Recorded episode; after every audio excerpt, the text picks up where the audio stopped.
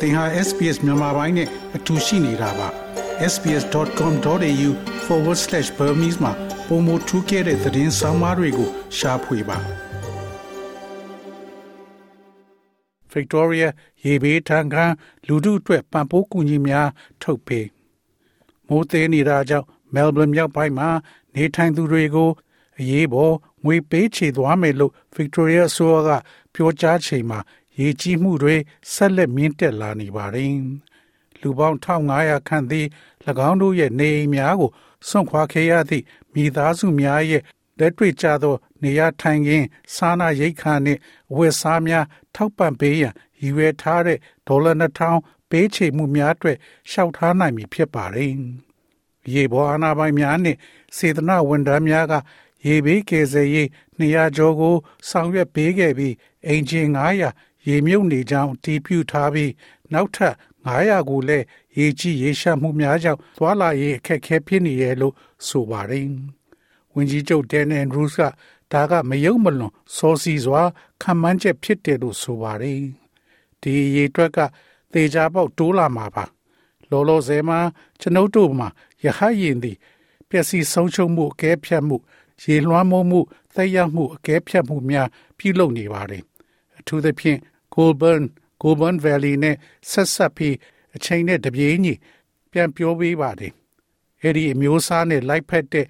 လူပိုများလာတာကိုကျွန်ုပ်တို့တွေ့မှာပါ။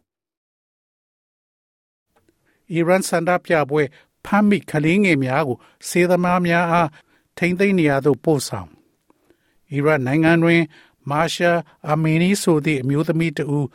ရဲချုပ်နှောက်မှုအတွင်း သေဆုံးခဲ့ခြင်းနှင့်ပတ်သက်၍ဖြစ်ပွားပေါ်ပေါက်နေသောစန္ဒပြမှုများတွင်ကလေးငယ်ဒါဇင်များစွာသေဆုံးပြီးယာနဲ့ချီကဖမ်းဆီးခံရပြီးတချို့သည်မူရစ်စေသမားများထိမ့်သိမ်းထားရှိရာစင်တာများသို့ပို့ဆောင်ခြင်းခံရကြောင်းသတင်းများထွက်ပေါ်နေပါသည်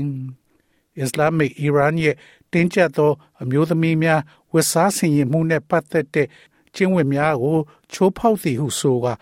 ကျင့်ဝတ်ထိန်သေးရေး ရဲတပ်ဖွဲ့ကဖမ်းဆီးခဲ့သော အာမီနီသေဆုံးခဲ့ရမှုအတွက်အများပြည်သူများစိတ်ဆိုးဒေါသထွက်ကြကတလနီးပါးကြာဆန္ဒပြမှုများဖြစ်ပွားပေါ်ပေါက်လျက်ရှိနေပါတယ်။နိုင်ငံရဲ့ Gen Z စေကျော်သက်များသည် လုံခြုံရေးတပ်များကိုရင်ဆိုင်ရာ၌ရဲဝံ့သတ္တိပြောင်းမြောက်ခြင်းအတွက်ချီးကျူးခံရပါတယ်။ညစဉ်ညတိုင်းလိုပင် အမျိုးသမီးငယ်များနှင့်ចောင်းသူများသည်လမ်းများပေါ်သို့ထွက်လာကြပြီး မိမသားဘဝလွတ်လပ်ခွင့်နှင့် အာဏာရှင်ချဆုံးပါစေဆိုသောကြွေးကြော်သံများကိုဟစ်ကြွေးဆန္ဒပြကြပါသည်ဆန္ဒပြလှုပ်ရှားမှုများတွင် ပါဝင်သောလူငယ်လူရွယ်များအားအသက်ကိုပင် ပေးထားကြကြောင်း American အခြေစိုက်လူအခွင့်အရေးဖွဲ့ HRANA ကပြောပြီးအရွယ်မရောက်သေးသူ18ဦးသေဆုံးဟာ၌12နှစ်အရွယ်ပင်ပါဝင်ကြောင်းပြောဆိုပါတယ် စစ်ကောင်စီကတော်လှန်ရေးအင်အားစုများအကြားသွေးကွဲစေရန်အားထုတ်နေဟုဆိုစစ်အာဏာရှင်ကငြိမ်းချမ်းရေးအရေးချုံလှည့်ဖျားမှုများဖြင့်တော်လှန်ရေးအင်အားစုများအကြားသွေးကွဲစေရန်အားထုတ်နေကြောင်းလူပေါင်းသစ် Democratic Party ရဲ့ဗဟိုစည်းရုံးရေးကော်မတီမှအောက်တိုဘာလ14ရက်နေ့တွင် အသိပေးချက်ထုတ်ပြန်လိုက်ပါတယ်။ယနေ့ကြားရောက်တဲ့လူပေါင်းသစ် Democratic Party တည်ထောင်ခြင်း 34နှစ်မြောက်သဘောထားထုတ်ပြန်ချက်တွင်အထက်ပါအတိုင်းရေးသားထားတာဖြစ်ပါတယ်။ထို့ပြင်စစ်ကောင်းစီသည် အချိုးကျကိုစားပြုစနစ် PR ဖြင့်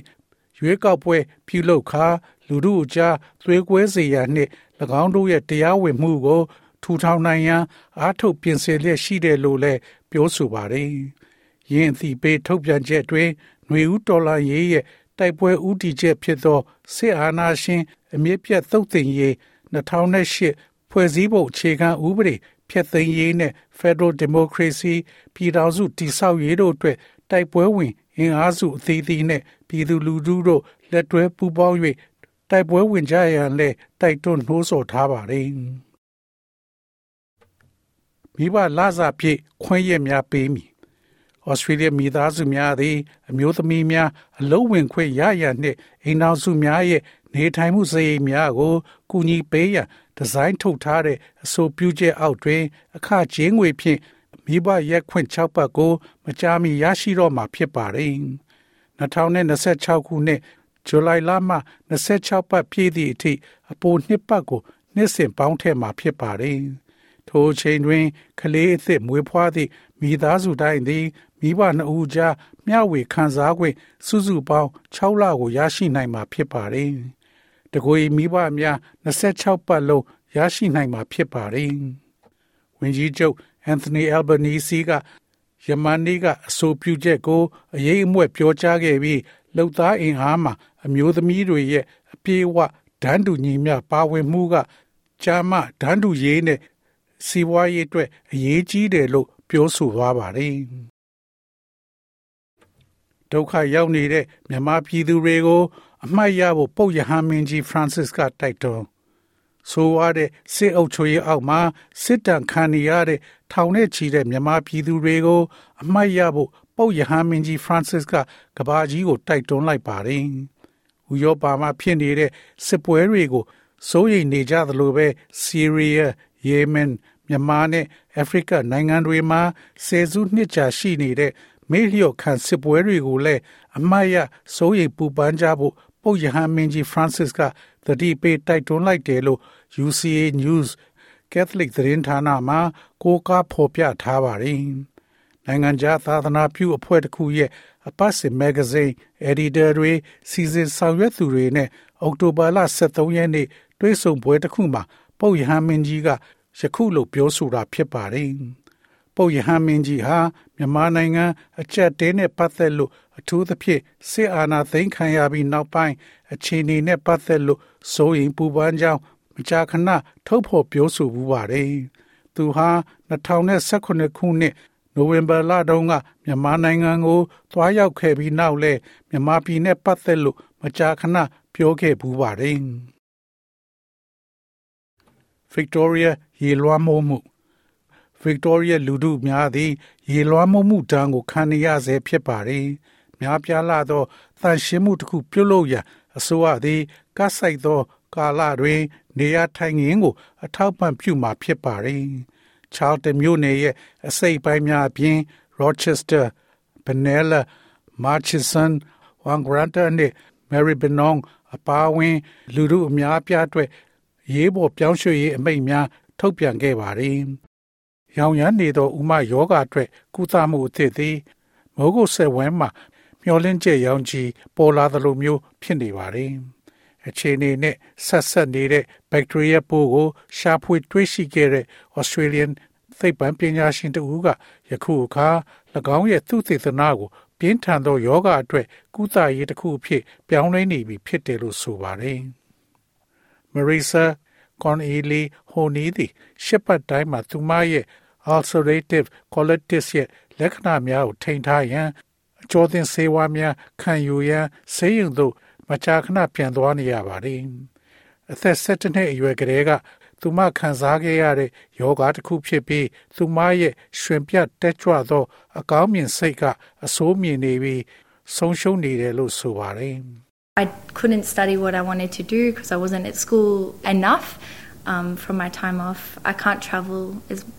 much as I want to because it's always in the back of your mind if I'm going to get sick or a flare up. ကျောင်းမှာမလုပ်ရဘူး။အားလချိန်မှာခီးထွက်ဖို့မတတ်နိုင်ဘူးလို့အမြဲစိတ်ထဲမှာဆွဲနေတာကြောင့်ကျမဒေါသပုံထားမိတယ်။သူမသည်အထက်တန်းကျောင်းတက်နေစဉ်တလကြာဆေးရုံတက်ခဲ့ရပြီးတနေ့တွင်ဆေးဝါးများအလုံးမလုံးတော့မှာကိုစိုးရင်က သူမရဲ့ဥမဖယ်ရှားမဲ့အလားအလာကိုလည်းစိုးရိမ်မိနေပါတယ်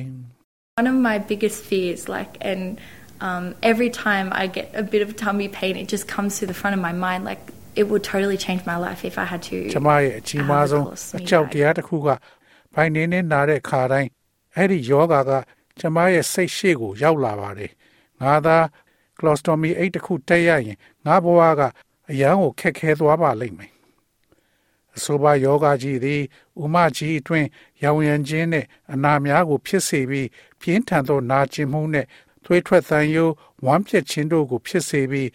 အခြားသော အဖြစ်အများဆုံးဥမကြီးရောင်ရမ်းခြင်းခရွန်ကဲသို့ပင်ဖြစ်ပြီး၎င်းသည်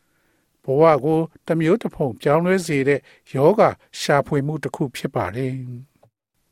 နောက်ပြီးတော့အစာအိမ်နဲ့ဥမလမ်းကြောင်းဆိုင်ရာ ပါရဂူတယောက်ဖြစ်တဲ့ဒေါက်တာအက်ဂီလ်စာမကြာခဏဒီယောဂသည်များကိုကယ်တင်ပေးခဲ့ရပါတယ် You know, many patients that I look after are affected when they're growing and developing. It can affect their puberty, affect their education, and potentially their future career prospects. And it's increasing all around the world. ကျွန်တော်ပြုစုတဲ့လူနာအတော်များများကသူတို့ကြီးထွားဖွံ့ဖြိုးဖို့အတွက်ထိခိုက်ပါတယ်၎ င်းသည် သူတို့ပြိုဖော်ဝင်ခြင်းသူတို့ရဲ့ပညာရေးနဲ့သူတို့အနာဂတ်အသက်မွေးဝမ်းကြောင်းလားလာကို ထိခိုက်စေနိုင်ပါတယ်ကျွန်ုပ်တို့ယောဂါကို နားမလည်တဲ့အကြောင်းတွေကြောင့်ကဘာတဝမ်းမှာဒီယောဂါကတိုးလာနေပါတယ်ခုခံအားစနစ်ကို ပြစ်မှတ်ထားတဲ့ steroid နဲ့ဆေးဝါးများကဲ့သို့လက်ရှိကုသသူများသည်ဘေးထွက်ဆိုးကျိုးများနှင့်အချိန်ကြာလာသည်နှင့်မျှအာနိသင်ဆုံးရှုံးနိုင်တယ်လို့၎င်းကဆိုပါတယ် Hudson Institute of Medical Research မှဒေါက်တာ Samuel Foster ကရေရှည်ဖြည့်ရှင်းချက်ဖော်ဆောင်ရန်စ조사နေတယ်လို့ဆိုပါတယ်။သူသည်ဥမအတွင်းရှိတဲ့မကောင်းတဲ့ဘက်တီးရီးယားများကိုတိုက်ထုတ်ရန်အတွက်ကောင်းသောဘက်တီးရီးယားများကိုအသုံးပြု၍လူဘိန်းများရဲ့အသုံးအနှုန်းအရပြောရမယ်ဆိုရင် microziwa အခြေခံဆေးကိုအသုံးပြုတယ်လို့ဆိုပါတယ် It's just like picking up bacteria as you would in your daily life but we're controlling which bacteria you're receiving in such a way that we reduce the chance of getting these flare events တင်နေစဘဝတွင်ဘက်တီးရီးယားများကိုကောက်ယူခြင်းနဲ့တူတော်လဲမြည်သည့်ဘက်တီးရီးယားပိုးများသင်ရရှိနေတဲ့ဟုသည့်နီလန်းဖြင့်ကျွန်ုပ်တို့သည်ဤယောဂပြန်ထားမှုဖြစ်စဉ်များနှင့်နောက်ဆက်တွဲအခြေအနေများ ဖြစ်ပွားနိုင်ခြေကိုရှော့ချရန်ထိန်းချုပ်ဖို့လုပ်နေပါတယ်။ဦးလန်းချောင်းရောင်ယောဂါသည်ဩစတြေးလျနိုင်ငံသားတသိန်း3000ခန့်ကို ထိခိုက်စေပြီးကုသ၍မရတဲ့အကြောင်းရင်းကိုမသိရသေးပါဘူး။ယောဂါလက္ခဏာများရဲ့နောက်ွယ်ရှိဘက်တီးရီးယားများကိုဖော်ထုတ်ခြင်းဖြင့်ယောဂအတွက်ဘေးကင်းပြီးထိရောက်ပြီးပြစ်မှတ်ထားသောကုသမှုကိုတီထွင်နိုင်မယ်လို့ဒေါက်တာဖော့စတာကမျှော်လင့်နေပါတယ်။ What we're trying to do is say, actually, there's a specific bacterial composition that will be beneficial for this particular group of patients. ဒီလူနာအုပ်စုအတွက်ကောင်းမွန်စေမဲ့ဘက်တီးရီးယားဖွဲ့စည်းမှုတစ်ခုအမှန်တကယ်ရရှိနေသည်ဟုဆိုလိုပါတယ်။ထို့ကြောင့် Marissa ကဲ့သို့သောလူနာများသည်ဘဝကိုအပြည့်အဝနေထိုင်ရှင်သန်နိုင်ဖို့အတွက်မျှော်လင့်နေပါတယ်။ I'm super excited that one day um, IBD will be something that I don't have to think about. Um, I'm so thankful for um, IBD သည်တနေ့တွင်ကျွန်ုပ်စဉ်းစားနေစရာမလိုတော့တဲ့အရာဖြစ်လာမှာကိုကျွန်ုပ်အလွန်စိတ်လှုပ်ရှားမိပါတယ်။သူသေသနာပြုတဲ့အတွက် Sam နဲ့ Ed ကိုလည်းအရန်ချေးစုတင်ပါတယ်။တော်ရရှိမြခင်များဆရာဝန်များဟာအဝလွန်သောလူနာများတွင် စာလောင်မှုဖြစ်စေသောဟော်မုန်းကိုပိတ်ဆို့ရန်ရည်ရွယ်တဲ့ pinhole ခွဲစိတ်မှုနည်းပညာကိုစမ်းသပ်နေပြီးဘေးထွက်ဆိုးကျိုးများနဲ့ ဆေးဝါးများမပါဘဲ၎င်းတို့ရဲ့အစာစားခြင်းစိတ်ကိုယောနေစေကသို့မဟုတ်ခွဲစိတ်မှုရဲ့အန္တရာယ်များကိုရှော့ချပေးလျက်ရှိနေပါတယ်။ obesity အဝလွန်ခြင်းသည်ယခုအခါတစ်ကမ္ဘာလုံးဆိုင်ရာကျန်းမာရေးချင်းချောက်မှုတစ်ခုဖြစ်တယ်လို့ကမ္ဘာ့ကျန်းမာရေးအဖွဲ့ကထုတ်ပြန်ချက်အရသိရှိရပါတယ်။၎င်းသည်နှစ်စဉ်လူသန်းပေါင်း650ရဲ့ကျန်းမာရေးကိုထိခိုက်စေပြီး ဆိုကြရလအဖြစ်လူလေးသန်းသေဆုံးခဲ့ပါတယ်။ Tom Kish နဲ့သူ့အမေ Catherine နှစ်ယောက်စလုံးဟာသူတို့ရဲ့ကိုယ်လေးချိန်ကိုနှစ်တော်ကြာအောင်ရုန်းကန်နေခဲ့ရပြီးငယ်စဉ်ကတည်းကဖြစ်ခဲ့တာလို့ Tom Kish ကပြောပါတယ်။သူတို့သည်အလေးချိန်ရော့အောင်အစာကို အတိုင်းချင်းနဲ့စားရနီလာများစွာ စူးစမ်းခဲ့ကြတော့လေဆေးဘက်ဆိုင်ရာစမ်းသပ်မှုတွေပါဝင်သူခိရှ်ကရေရှည်ရလတ်များသည့်အမြဲတမ်းစိတ်ပျက်စရာဖြစ်နေကြောင်းပြောကြားပါတယ် You know I've tr- just tried so so much but I've, you know I've never got really ever results I was happy with it was always like 5 10 kg and you know as soon as I stopped for like a month ကျွန်တော်အရန်စူးစမ်းခဲ့ပါတယ်ဒါပေမဲ့ကျွန်တော်ခြေနဲ့အားရတဲ့ရလတ်တွေတခါမှမရရှိခဲ့ပါဘူး ဒါဟာအမြဲတမ်းတစ်လနှစ်လလောက်ရပ်ပြီးတာနဲ့ချက်ချင်း9ကနေ10ကီလိုဂရမ်အလေးချိန်ကပြန်တက်လာပါတယ်။ Tom နဲ့သူ့အမိနှစ်ဦးစလုံးသည် London ရှိ Imperial College London နဲ့ St Mary's Hospital တို့မှဦးစီးလှုပ်ဆောင်တဲ့စေကန်စမ်းသပ်မှုအတွက်စီရင်သွင်းထားပါတယ်။စမ်းသပ်မှုကို Britain အမျိုးသားကျန်းမာရေးဝန်ဆောင်မှု NHS မှရန်ပုံငွေပံ့ပိုးပေးထားပြီးအဝလွန်ခြင်းကိုကုသရန်အတွက် invasive ခေါ်ထိုးဖောက်ဝင်ရောက်မှုနှဲပါပြီးပုံမမြန်ဆန်သောလုံထုံးလုံနည်းအသည့်ရဲ့အလားအလာကိုကောင်းမကောင်းစုံစမ်းစစ်ဆေးမှာဖြစ်ပါတယ်။ Kish ကသူ့ရဲ့ကုသမှုမစခင်လေးမှာပဲ It's really exciting now to just kind of get there do it and see what the next you know 12 months holds အဲ့ဒီစမ်းသက် ကုသမှုကိုရောက်ဖို့လုံလိုက်ပါတယ်နောက်12လမှာဘာဖြစ်မလဲဆိုတာကိုစောင့်ကြည့်ရတာအခုထဲကတကယ်ကိုစိတ်လှုပ်ရှားစရာပါပဲ Imperial College စမ်းသပ်မှုတွင်ဆရာဝန်အဖွဲ့တစ်ဖွဲ့မှပါဝင်တဲ့ဂျားဝင်ဓာတ်မှန်ရိုက်ပညာရှင်ဒေါက်တာ Robert Thomas လည်းပါဝင်ပါတယ်။သူနဲ့အဖွဲ့သည်အဝလွန်ခြင်းရဲ့အကြောင်းရင်းများမှရှုပ်ထွေးတယ်လို့ဆိုပါတယ်။ဆာလောင်မှုကိုဟော်မုန်းများက ထိန်းချုပ်တယ်လို့သူကယုံကြည်ပါတယ်။ခရီလင်သည်အစာအိမ်ထိမ့်မှထွက်ရှိသော ဟော်မုန်းဖြစ်ပြီးဆရာဝန်များက၎င်းကိုပိတ်ဆို့သည့်အေဂျင့်ဖြင့်လှုပ်ဆောင်ခြင်းဖြင့်အစာဆာလောင်မှုကိုရပ်တန့်ရန်စ조사နေကြပါတယ်။မျှော်လင့်ချက်မှာ Grelin ထုတ်လုပ်မှုကိုကန့်သတ်ခြင်းဖြင့်အစာစားခြင်းစိတ်ကိုထိန်းချုပ်နိုင်မှာဖြစ်ပါတယ်။ဒါပေမဲ့သမီးရိုးကြကိုလေးချိန်ရောချတဲ့ခွဲစိတ်မှုလို့ ကြီးမားတဲ့ခွဲစိတ်မှု မလုပ်ပဲဆရာဝန်တွေကလက်မောင်းမှာအတချောင်းထိုးတာကို အသုံးပြုကြပါတယ်။ Grelin ကို block လုပ်ဖို့အတွက်သိငယ်သော wire ကြိုးကိုအစာအိမ်ရဲ့ထိပ်ပိုင်းသို့ရောက်ရှိသည့်အထိလူနာရဲ့ခန္ဓာကိုယ်အတွင်းသွေးကြောများမှတလျှောက်ဖြတ်သန်းသွားတာဖြစ်တယ်လို့ Thomas ကရှင်းပြပါတယ် My skill set is essentially pinhole techniques, pinhole surgery, and I can navigate through the natural motorways of the body, uh, arteries or veins, and get to places um, on very small tube platforms, sometimes only one millimeter in width. And uh, we can get to places that, ကျွမ်းကျင်မှုမှာမရှိမဖြစ်လိုအပ်သောပင်ဟိုနီးပညာနဲ့ပင်ဟိုခွဲစိတ်မှုဖြစ်ပါတယ်ကျွန်ုပ်သည်ခန္ဓာကိုယ်ရဲ့တဘာဝလမ်းမကြီးများဖြစ်တဲ့သွေးလွှတ်ကြောများသို့မဟုတ်သွေးပြန်ကြောများမှတစ်ဆင့်သွားလာနိုင်ပြီးအလုံးသိငယ်သော tube platform များပေါ်ရှိနေရာများသို့ကျွန်ုပ်သွားနိုင်ပါတယ် တခါတရံအနမ်း1မီလီမီတာသာရှိသောအလုံးသိငယ်တဲ့ tube platform ပေါ်ရှိနေရာများသို့ကျွန်ုပ်ရောက်နိုင်ပြီးတခြားနည်းဖြင့်လက်လန်းမမီသောနေရာများသို့လည်းရောက်ရှိနိုင်ပါတယ် MRI scan များကိုညွန်ပြပြီးပြက်မှတ်ဟော်မုန်းတွေရောက်ရှိရန်ဝါဂျိုးဖြင့်ပြုလုပ်ရမယ့်ခီးကို MRI scan ကနေပြီးပြသနိုင်ပါတယ် Our plan is to get into the pulse in the wrist, uh, pop a little tube in, and that's our access point, and we can navigate up the arm, down through the chest, and into the artery that just supplies and only supplies the top of the stomach. So we can then uh, use a, a, a blocking agent. ကျွန်တော်တို့ရဲ့အစီအစဉ်မှာလက်ကောက်ဝစ်ရှိပေါက်ဆူရောက်သွားစေရန်ဖြုံငယ်နဲ့ဖောက်ပြီး၎င်းသည်ကျွန်ုပ်တို့ရဲ့ဝင်ရောက်နိုင်သောအချက်ဖြစ်ပြီးလက်မောင်းရင်ပန်းမှတဆင့်အောက်ပိုင်းနဲ့စာအိမ်ထိပ်ပိုင်းကို ထောက်ပံ့ပေးနိုင်တဲ့ သွေးကြောထဲသို့သွားတဲ့လမ်းကြောင်းကနေဝင်ရောက်မှာဖြစ်ပါတယ်။ဒါဆိုသွေးတွေစီးကျလာနိုင်တဲ့ပဒီးစီလေးတွေပိတ်ဆို့နေတဲ့ agent ကို သုံးလို့ရပါတယ်။ case သေးခွဲစိတ်မှုတလျှောက်လုံးနှိုးချနေပါတယ်။လှုပ်ထုံးလုံနည်းကတကယ်ထိရောက်မှုရှိမရှိသေချာသိနိုင်ဖို့ဆေးအဖွဲ့ဟာကြာပန်းထိန်းချုပ်ထားတဲ့စမ်းသပ်မှုကိုလှုပ်ဆောင်ပါတယ်။စမ်းသပ်မှုက လူနာများနဲ့ဆရာဝန်များကိုဘာဆေးတဲ့ဆိုတာကို မဖော်ပြထားပဲလူနာနဲ့ဆရာဝန်အများစုသည်ကုသမှုအပြည့်အဝခံယူပြီးမှသာမိသူက placebo ဆေးကိုပေးတယ်ဆိုတာကို သိနိုင်ပါတယ်။ Kish နဲ့တခြားလူနာများသည် သူစေတနာအဖွဲ့အား၎င်းတို့အားမပြောပြမီစမ်းသပ်မှုပြီးဆုံးသည့်အထိစောင့်ရမှာဖြစ်ပါတယ်။စမ်းသပ်မှုသည်အစောပိုင်းအဆင့်တွင်ဖြစ်တော်လဲသမီးအိုကြ bariatric ခွဲစိတ်မှုရဲ့တခြားနီလာများလိုအပ်ပါတယ်။ Ahmed Ahmed သည်စိတ်မေရီဆေးရုံရှိ bariatric ခွဲစိတ်ဆရာဝန်ဖြစ်ပါတယ်။ UK မှာ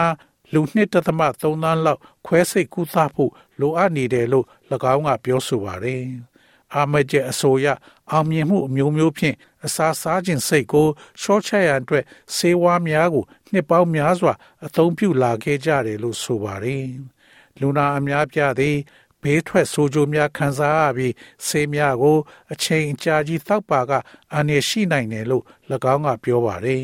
။ Imperial သည်နေနေရာတွင်စမ်းသပ်လှုပ်ဆောင်နေတဲ့လုပ်ငန်းစဉ်ဟာလူနာများအားပြည်တည်နေတဲ့အနာများကို ကုသပေးနေတဲ့ဆရာဝန်များရဲ့လေးလာတွေ့ရှိချက်များကြောင့်ဖြစ်ပါတယ် And this stems back from uh, procedures that were done for people who had stomach ulcers, who were, who were, that were bleeding, and these patients had to have uh, radiological treatment where their arteries supplying blood to the stomach were basically blocked with little beads to stop the bleeding from the ulcer. And then they discovered that these patients, of course, their ulcers stopped bleeding, but also they started losing weight afterwards. As well. So this is how this original came about. လုပ်ငန်းစဉ်များမှထွက်ပေါ်လာခြင်းဖြစ်ပါတယ်။ဤလူနာများသည်အစာအိမ်သို့ သွေးပေးတဲ့သွေးလွှတ်ကြောများကို အခြေခံအားဖြင့်အစာအိမ်နာမှသွေးထွက်ခြင်းကိုရပ်တန့်ရန်အတွက်ပတိလုံးလေးများဖြင့်ပိတ်ဆို့ထားသောဤလူနာများအားဓာတ်ရောင်ခြည်ဖြင့်ကုသမှုခံယူရမှာဖြစ်ပါတယ်။ဒီလူနာတွေဟာသွေးထွက်တာရပ်သွားပေမဲ့နောက်ပိုင်းမှာကိုယ်လေးချိန်ကျသွားတာကိုသူတို့တွေးရှိခဲ့ပါတယ်။ဒီတော့ဒီမူရင်းဤပညာကနေဖြစ်လာတာပါ။ခိစတီသူ့ချမ်းမာရေးကို ကန်တရားလက်ထဲအထားမှာမဟုတ်ဘူးလို့ဆိုပါတယ်။အဖြူသဘောဆောင်တဲ့ခြေလမ်းတွေနဲ့ကောင်းမွန်တဲ့အစားအသောက်နဲ့လေ့ကျင့်ခန်းလုပ်ခြင်းကကောင်းမွန်တယ်လို့သူကယုံကြည်ပါတယ်။ At the end of the day it's there's a lot involved with it it's not it's not the end all I think there's always the, the changing the mindset making sure what you think is healthy is actually healthy you know what you're putting in your body is what your body အဆုံးမှာ needs ဒါနဲ့ပတ်သက်မှုများစွာရှိနေပါတယ်အဲ့ဒါကအဆုံးမဟုတ်သေးပါဘူးဒါမှမဟုတ်အမြဲတမ်းပြောင်းလဲနေတဲ့အတွေးခေါ်တွေရှိနေတယ်လို့ကျွန်တော်ထင်ပါတယ်သင်ကျမ်းပါတယ်လို့ထင်တဲ့အရာကတကယ်ကျမ်းပါတယ်ဆိုတာသေချာအောင်လုပ်ရမှာပါသင်ခန္ဓာကိုယ်ထဲမှာသင်ထည့်ထားတဲ့အရာကသင်ခန္ဓာကိုယ်အတွက်လိုအပ်လားဆိုတာကိုသင်သိပါလားသရရှင်များရှင် ဒီကနေ့ခေဟာဂျူတုခေလို့တင်စားကြပြီးဘာမစိုးလင်းလင်းမြမြရှိတဲ့ခေမို့ဒီနေ့ခေမှာအဖိုးဖွားဖြစ်ရတဲ့လူတွေဟာလည်းခေအလိုက်လိုက်လျောညီထွေးစာလှုပ်ဆောင်ရတာမျိုးတွေရှိပါတယ်။အဲ့ဒီတော့21ရာစုမှာဖိုးဖိုးဖွားဖွားဖြစ်ရတာဘယ်လိုရှိတယ်လဲဆိုတဲ့အကြောင်းအေမီချန်ယူဝမ်ကရေးသားထားတာကိုဘာသာပြန်တင်ဆက်ပေးမှာဖြစ်ပါတယ်။ပမောက္ခဒိုရင်ရိုစန်တာဟာ လွန်ခဲ့တဲ့ရာစုတစ်ခုတုန်းကရုရှားနိုင်ငံမှာမွေးဖွားတဲ့အဖိုးအဖွားတွေရဲ့အုပ်ထိန်မှုပုံစံနဲ့အတူကြီးပြင်းလာရသူဖြစ်ပြီးအခု21ရာစုမှာတော့သူ့မှာမြေးခုနှစ်ယောက်ရှိလာနေတဲ့ဘဝကိုရောက်လာတာဖြစ်ပါတယ်။အဲဒီတော့သူမအဖွားဖြစ်လာတဲ့အခါကြုံရတဲ့သင်ခန်းစာနဲ့တခြားအဖွားတစ်ထောင်လောက်ကြုံတွေ့ရတဲ့အတွေ့အကြုံတွေကိုစုပေါင်းပြီးတော့ခေတ်သစ်ဖွားဖွား 21ရာစုမှာအဖွားဖြစ်ရခြင်း New Age Nanas Being a Grandmother in the 21st Century ဆိုတဲ့စာအုပ်ကိုထုတ်ဝေခဲ့ကြပါတယ်။ My grandparents, although they came out in the 20s, they still had a very different cultural lens through which they viewed the world. And of course, they were strangers to Australia, so they didn't really know the sort of expected behaviours and norms here. And they were stay at home women. My mother occupied a sort of middle ground. ကျမရဲ့အဖိုးဖွားတွေကတော့1920ဝန်းကျင်မှာရုရှားနိုင်ငံကနေထွက်လာခဲ့ကြပေမဲ့သူတို့ရဲ့ကဘာအပေါ်မြင်တဲ့အမြင်တွေရိုးရာရင်ကျေးမှုအမြင်တွေက အတော်လေးကိုကွာခြားမှုများပါတယ်။ အဲ့ဒီအချိန်တုန်းကသူတို့ဟာဩစတြေးလျနိုင်ငံမှာဒဇိမ်းတွေဖြစ်ကြတဲ့အတွက်ဒီနိုင်ငံမှာဘလို့အမှုအကျင့်တွေရှိတယ်ဘလို့ကျင့်ဝတ်တွေကျင့်သုံးကြတယ်လဲဆိုတာကိုမသိကြပါဘူး။အဖွားကအိမ်မှာပဲနေပါတယ်။ကျမရဲ့မိခင်ကြတော့နည်းနည်းအပြောင်းလဲဖြစ်လာပါတယ်။အမျိုးသမီးတွေအိမ်မှာပဲနေပြီးအိမ်အလုပ်လုပ်တာမျိုးမဟုတ်ပဲအလုပ်ထွက်လုပ်လာတဲ့ခေ အမျိုးသမီးတွေပါပတ်စံရှာတဲ့ခေကိုမမီပေမဲ့လည်းအနှဲငယ်ဖြတ်တန်းခဲ့ရသူဖြစ်တယ်လို့ပြောပြခဲ့ပါတယ်။အခုခေဆိုရင်ဇနီးမောင်နှံသုံးပုံနှစ်ပုံလောက်ဟာအလုပ်လုပ်ရင်းတစ်ဖက်မှာလည်းအသက်15နှစ်အောက်ကလေးတွေကိုပြုစုပြိုးထောင်နေရသူတွေဖြစ်ပါတယ်။ဒါကြောင့်ဩစတြေးလျနိုင်ငံမှာအဖိုးအဖွားတွေဟာအလိုလိုနေရင်းနဲ့ပတ်စံမရပဲကလေးထိန်ဘဝကိုရောက်သွားရတာဖြစ်ပါတယ်။ ဩစတြေးလျနိုင်ငံကကလေးငယ်၃ယောက်ထဲကတယောက်နှုံနီးပါးလောက်ဟာမိဘတွေအလုံးလုံးနေတော့အဖိုးအဖွားတွေရဲ့စောင့်ရှောက်မှုကိုရယူနေကြရတာဖြစ်ပါတယ်။အဖွားဖြစ်သူအများအပြားဟာချွေးမတွေနဲ့မတက်ဘူးဆိုတဲ့အကြောင်းပြောပြလေရှိတယ်လို့လည်းပေါမောက်ခ Dorin Rosenthal ကပြောပါတယ် When a daughter-in-law didn't want the children to have any uh, relationship with the, her partner's uh, mother, sometimes the children get taken out of the country or out of the state or uh, in places that are less accessible and some of our grandmothers became very good at using ချွေးမဖြစ်သူကသူခင်ပုံဘဲကမိဘတွေနဲ့ကလေးတွေကိုမဆက်ဆံစေချင်တဲ့အခါတခါတလေကလေးတွေကိုတခြားနိုင်ငံပို့တာတွေဒါမှမဟုတ်တခြားပြည်နယ်မှာပြောင်းနေလိုက်တာတွေ ဒါမှမဟုတ်အဖိုးအဖွားတွေလာနိုင်ချေနေတဲ့နေရာမှာပြောင်းနေလိုက်တာမျိုးလုပ်တဲ့အတွက်မြေးတွေကိုတတိရတဲ့အဖိုးအဖွားတွေဟာမြေးတွေနဲ့မြင်တွေ့ရဖို့အရေးစူးစမ်းဆက်သွင်းရင်းနဲ့ဤပညာအသစ်တွေကိုတတ်ကျွမ်းလာတာမျိုးတွေရှိပါတယ်။အဲ့ဒီလိုလုပ်ရတာကတော့မလွယ်ကူပါဘူး။ကျမတို့စကားပြောဆိုကြည့်တဲ့အမျိုးသမီးအများစုဟာ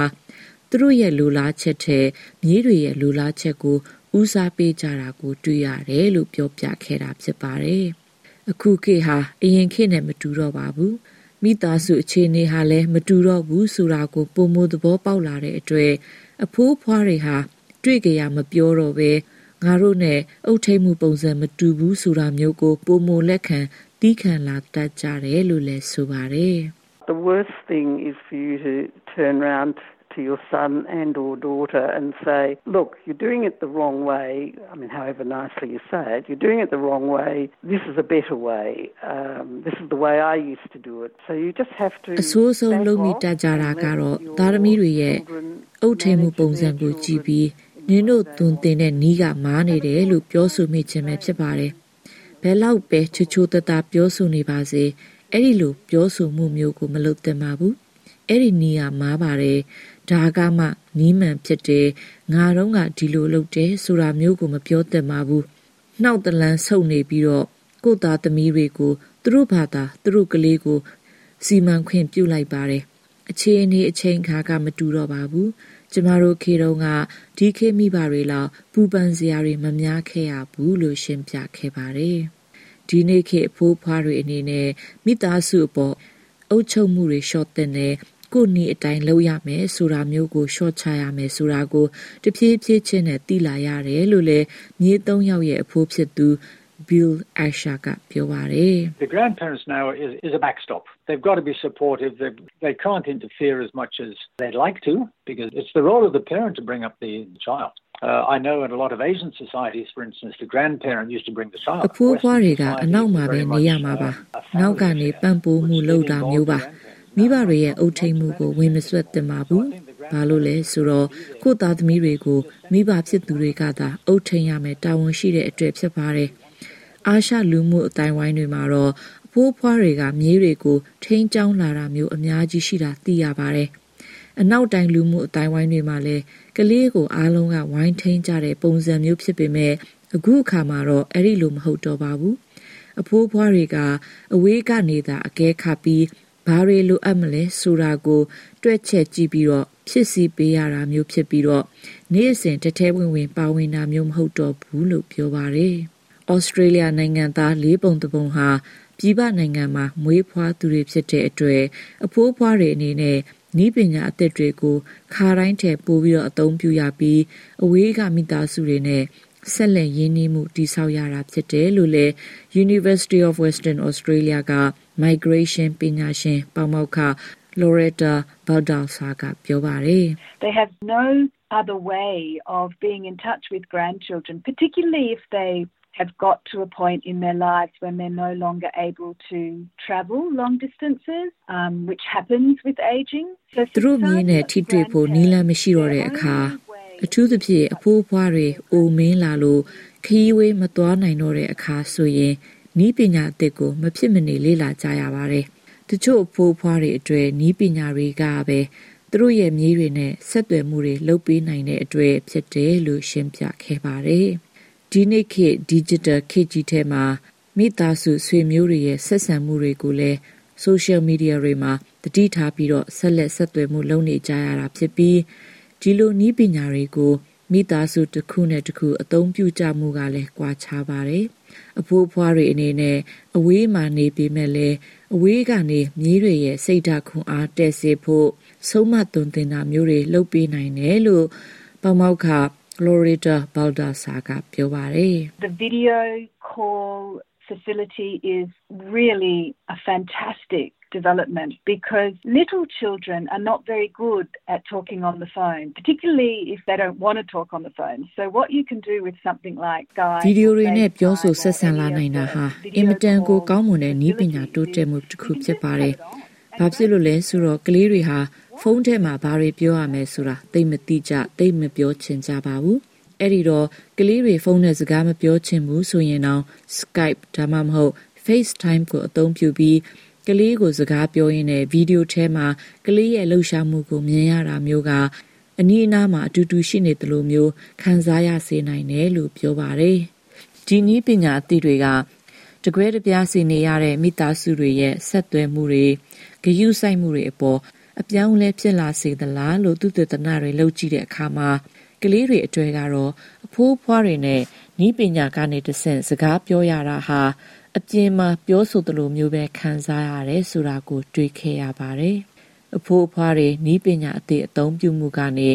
နာနာ second ဆိုတဲ့စကားလုံးအသစ်တွေလည်းထွက်ပေါ်လာပါတယ်။ What is the definition of a nanosecond? A nanosecond and it's the time that it takes for Nana to like a picture of a grandchild that's posted by the mother on Nana second ရဲ့အဓိပ္ပာယ်ကဘာလဲ Nana second ဆိုတာကတော့မိခင်ကနေ social media ပေါ်မှာသူတို့ရဲ့ကလေးရဲ့ဓာတ်ပုံတင်လိုက်တာနဲ့အဖွားကအဲ့ဒီဓာတ်ပုံကိုတန်းပြီး like လုပ်လိုက်တဲ့အချိန်ကို တင်စားထားတာဖြစ်တယ်လို့ရှင်းပြခဲ့ပါတယ်။အခုဆိုရင်လူတွေကျမ်းမာတက်ရှည်စွာပုံမူနေထိုင်လာနိုင်တဲ့အတွေ့အသက်80သမားတွေဟာ အရင်အသက်60လူလိုဖြစ်နေပြီးအသက်60သမားတွေကအသက်40လူဖြစ်လာနေပါတယ်။အပြောင်းလဲတွေဖြစ်နေတဲ့ခေတ်မှာအဖိုးဖွားဖြစ်ရခြင်းပုံစံကလည်းအပြောင်းလဲတွေဖြစ်လာနေတယ်လို့အသက်84နှစ်အရွယ်အဖိုးဖြစ်သူ Bill Aisha ကပြောပါတယ်။ you should be a mentor as well as a playmate as, as, as, much as you can because grandparents these days are a lot more active and they're a lot more able to involve themselves with the activities of the kids. I like involving myself with youngsters because they do keep you young. You know, you've got to look at them and you say, well, you can't keep up with them. ကလေးတွေကိုပဲကင်လန်းညွန်တယ်လို့တစ်ဖက်မှာလည်းကစားဖို့ကစားဖက်အနေနဲ့တတ်နိုင်တဲ့လောက်လုပ်ပေးရပါတယ်။ဘာဖြစ်လို့လဲဆိုတော့ဒီနေ့ခေတ်အဖိုးဖွားတွေဟာအရင်တုန်းကထက်ပိုပြီးတော့တက်ကြွမှုရှိပြီးကလေးရဲ့လှုပ်ရှားမှုတွေကိုပိုမိုပါဝင်လာနိုင်တဲ့အတွက်ဖြစ်ပါတယ်။ကျွန်တော်ကတော့ကျွန်တော်မြေးတွေရဲ့လှုပ်ရှားမှုတွေမှာပါဝင်ရတာကိုကြိုက်ပါတယ်။ အဲ့ဒီလိုပါဝင်တာကလည်းကျွန်တော်ကိုနှုတ်ပြစေပါတယ်။မြေးတွေကိုစောင့်ရှောက်မှုလည်းလုပ်ရပါတယ်။သူတို့လှုပ်ရှားတယ်လို့တော့မလုပ်နိုင်ပါဘူး။ဒါပေမဲ့အတနိုင်ဆုံးလိုက်လုပ်တယ်လို့ပြောသွားတဲ့အကြောင်းတင်ပြလိုက်ရပါတယ်ရှင်။တောတောင်တွေထဲထွက်ပြေးတိမ်းရှောင်နေရတဲ့အပူပိုင်းဒေသကပြည်သူတွေအတွက်တော့တပူပေါ်နှစ်ပူဆင်ခဲ့ရပါပြီ။ နေ့စဉ်စစ်ကောင်စီတပ်တွေရဲ့ရန်ကိုရှောင်ရှားဖို့တောတောင်တွေထဲခိုအောင်နေရင်ပဲမွေပူရကင်းမောက်ဆိုတဲ့စကားပုံကိုလက်တွေ့ကြကြရင်ဆိုင်နေကြရတာပါ။တောတောင်တွေထဲထွက်ပြေးတိတ်ရှောင်နေကြရတဲ့စကိုင်းတိုင်းမကွေးတိုင်းကယားပြည်နယ်ဘက်ကဒေသခံတွေဟာအခုလိုရာသီမှာမွေအန်ရီကိုပါတတိထားနေကြရတာဖြစ်ပါတယ်ဒေတာအခေါ်အရပိုးထိပြီးဆိုသူတို့အတွက်အရင်အခြေအနေတွေလိုငွေစိတ်ဖြည့်စည်းအလွယ်တကူရနိုင်တဲ့အနေအထားမဟုတ်တော့ပါဘူး စစ်ကောင်စီတပ်တွေရဲ့လမ်းပိတ်ဆို့မှုတွေကြောင့်ဆေးရရှိမှုဟာလည်းနှောင့်နှေးတဲ့အခြေအနေတွေနဲ့ရင်ဆိုင်ကြုံတွေ့နေကြရပါတယ်။စကိုင်းတိုင်းဒေသကြီးကျွန်းလှမြို့နယ်ဘက်မှာမွေကြိုက်ခံရတာဒီတလအတွင်းမှာပဲအယောက်30လောက်ရှိနေပြီးအများစုကတော့အစိတ်ပြင်းတဲ့မွေဝေးအမျိုးအစားအကြိုက်ခံခဲ့ရတဲ့အခြေအနေပါဒါတောင်စစ်အာဏာသိမ်းကာလမို့စနစ်တကျစည်ရင်းမပြုစုထားနိုင်တဲ့အတွက်အခုခောက်ယူထားတဲ့အချက်လက်ထက်ပိုများနိုင်တယ်လို့ကျွန်းလှဒေသခံတူကပြောပါတယ်။ ရှားကစားဒီအာဏာလိမ့်နာနဲ့ပတ်သက်တဲ့အခါကျတော့ဒီနောက်ထပ်ဆိုးကျိုးတွေပေါ့နော် ဆိုးကျိုးတွေကဟိုပိုးထိတဲ့လူနာက အရှိန်အဟုန်မြင့်တက်လာတဲ့ အနေအထားမျိုးဖြစ်သွားတာပေါ့နော်။အဲဒီဟာကတော့ ကျနော်တို့ ခါတိုင်းကတော့ ကျနော်တို့ဒီတောင်သူရာလုပ်ဆိုတဲ့ အနေအထားမျိုးကိုပဲ ထိတာပေါ့နော်။အခုကတော့ဒီစစ်ရှောင်ရင်းဆိုတဲ့အခါကျတော့ ပြည်သူတွေကဒီတောတွေတောင်တွေထဲ တိုးတဲ့ လူဦးရေပိုများလာတာပေါ့နော်။ဒါကတော့ နေ့လည်းဖြစ်နိုင်သလို ညလည်းဖြစ်နိုင်တာပေါ့နော်။အဲလိုဆိုတဲ့အခါကျတော့ အချိန်မရှိ အချိန်ရှိ အဲလိုမျိုးကျနော်တို့ပြေးလွှားတဲ့အခါကျတော့အဲ ဒီတော့ဒီဟာနဲ့ပတ်သက်ပြီးတော့မှဒီအရှိန်အဟုန်မြင့်လာတဲ့အနေအထားမှာရှိပါတယ်ဒီပူးထီးတဲ့လူနာဦးရေအတွက်ကတော့လေအဲဒါကြောင့်မို့ဒီဆေးဝါးကတော့ကျွန်တော်တို့ဟိုဟိုလိုအပ်တဲ့လောက်လဲကျွန်တော်တို့ကမရှိသလိုမရှိတဲ့ကြာဒီထိန်းယုံလောက်ပဲကျွန်တော်တို့ကုရတဲ့အနေအထားမျိုးဖြစ်တာကြဆေးတစ်လုံးကိုပုံမှန်အားဖြင့်ရှိမယ်ဆိုရင်ကျွန်တော်တို့9000ခွဲ8000 9000ဆိုတာသိပုံပါပဲဒါပေမဲ့အဲပုံမှန်မဟုတ်တဲ့လမ်းကြောင်းတွေဖြစ်သွားတဲ့အခါကျတော့အချိန်ကြီးကြာတဲ့အခါကျဒီလုံးကိုကျွန်တော်တို့ကတကြိမ်ကျော်လောက်ပေးရတဲ့အနေအထားမျိုးကိုရှိတယ် အဲ့ဒီကျွန်းလှဒေတာကပိုးထိခံထားရတဲ့အသက်14နှစ်အရွယ်ယောက်ျားလေးတူဟာလည်းမွေစိတ်ဖြည့်စေးအလွယ်တကူမရရှိတဲ့အတွက်ကြောက်ကတ်ထိကြိုက်ခဲ့ပါတယ်။လက်ရှိမှာမွေစိတ်ဖြည့်စေး BPI မျိုးစားဆေးအလုံး30လောက်ထိုးနှံခဲ့ရပြီးရန်ကုန်ဘက်မှာဆေးကုသခံခဲ့ရက90ရာခိုင်နှုန်းလောက်အထိတက်တာနေပြီလို့သိရပါတယ်။ သွားလာရခက်ခဲတဲ့နေရာဒေသဖြစ်တဲ့အပြင်ဈေးကြီးပေးဝယ်ရတဲ့မွေစိတ်ဖြည့်စေးကိုပြည်သူကန့်လက်တွေနဲ့ပဲဖြည့်ရှင်းနေကြရတာပါ။ဒါအပြင်တောတောင်နေတဲ့ထွက်ပြေးတိတ်ရှောင်နေရတဲ့ပြည်သူတွေအနေနဲ့လွယ်လင့်တကူစေးရုံစေးကံမသွားနိုင်ကြတဲ့အပြင်အဲ့ဒီနေရာတွေရောက်ရင်လည်းလုံလောက်တဲ့ကျန်းမာရေးစောင့်ရှောက်မှုမရတာကာကွယ်ဆေးအစဉ်အသင့်မရှိတာတွေရင်ဆိုင်ကြရတာမို့စေးမီတူနီးတွေနဲ့သာကုသနေကြရတာဖြစ်ပါတယ်။ အဲ့ဒီလိုကုသကြရတဲ့အခါအစိတ်ပြက်ပြီးနောက်ဆက်တွဲအမြင်အာရုံမှုံဝါလာတာလမ်းပုံမှန်လိုမလျှောက်နိုင်တော့တာတွေနဲ့ကြောက်ကက်ထိတာတွေကိုစစ်ဆောင်ပြည်သူတွေရင်ဆိုင်ကြုံတွေ့လာရပါတယ်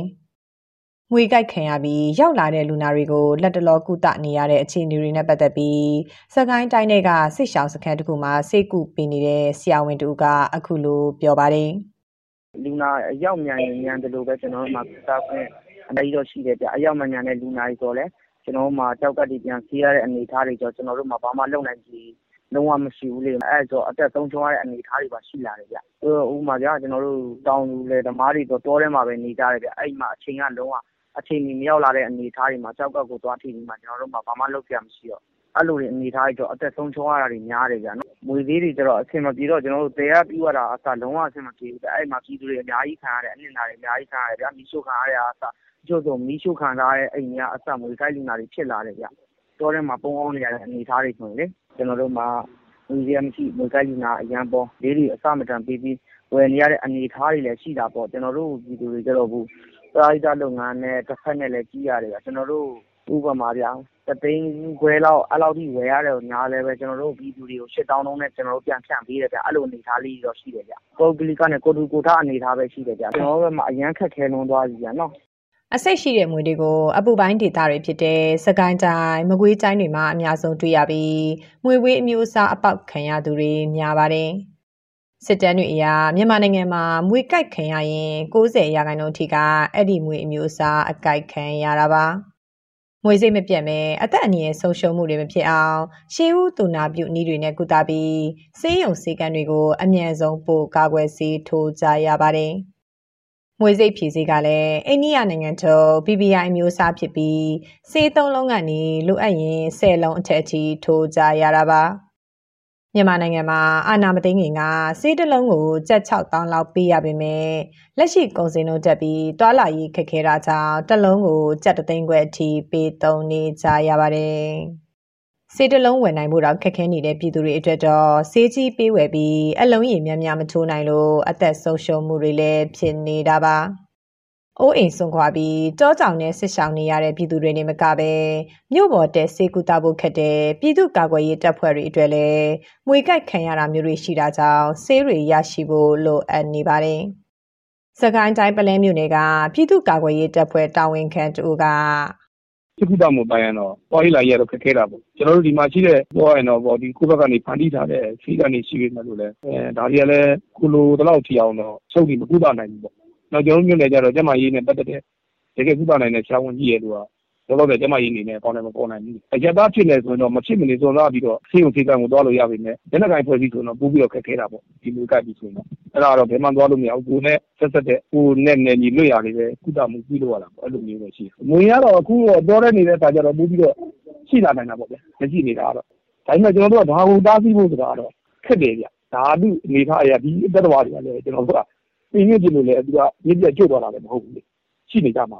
ဒါပေမဲ့ တခုရှိတာက ကျွန်တော်တို့က သူတို့ ဒီအန်ရကာကွယ်ဖို့ကတော့ခုလက်ရှိကစီးတာတို့တော့နောက်ပြီးတော့ မီးလင်းနဲ့ဟိုပေါ့နေတိုင်းတော့မွေးနေတဲ့နေရာတွေပြီးလိုက်တာ ဒါကတော့ သူတို့ညညညပိုင်းကသူတို့ နေတိုင်းတတ်ပုံပေါ့ဒီကကျွန်တော်တို့က ဖြစ်လာတဲ့ ပြဿနာကို ကုသနိုင်ဖို့တော့ကဒီလို အမြန်ဆုံးထိအောင်မလုပ်ပေးနိုင်လို့ဆိုတာအပိုးကြီးကြီးတယ်ထင်တယ်အဲအဓိကတော့ကဟိုကျွန်တော်တို့က ငွေသိပ်စီစီတွေ များများရှိနေဖို့ လိုတယ်ပေါ့ဗျအဓိကချက် ဒါကတော့ ကျမကြီးနဲ့ ပတ်သက်တဲ့ ဆောင်ရွက်တဲ့ဒီလက်ထဲမှာ ရှိနေဖို့လိုတယ်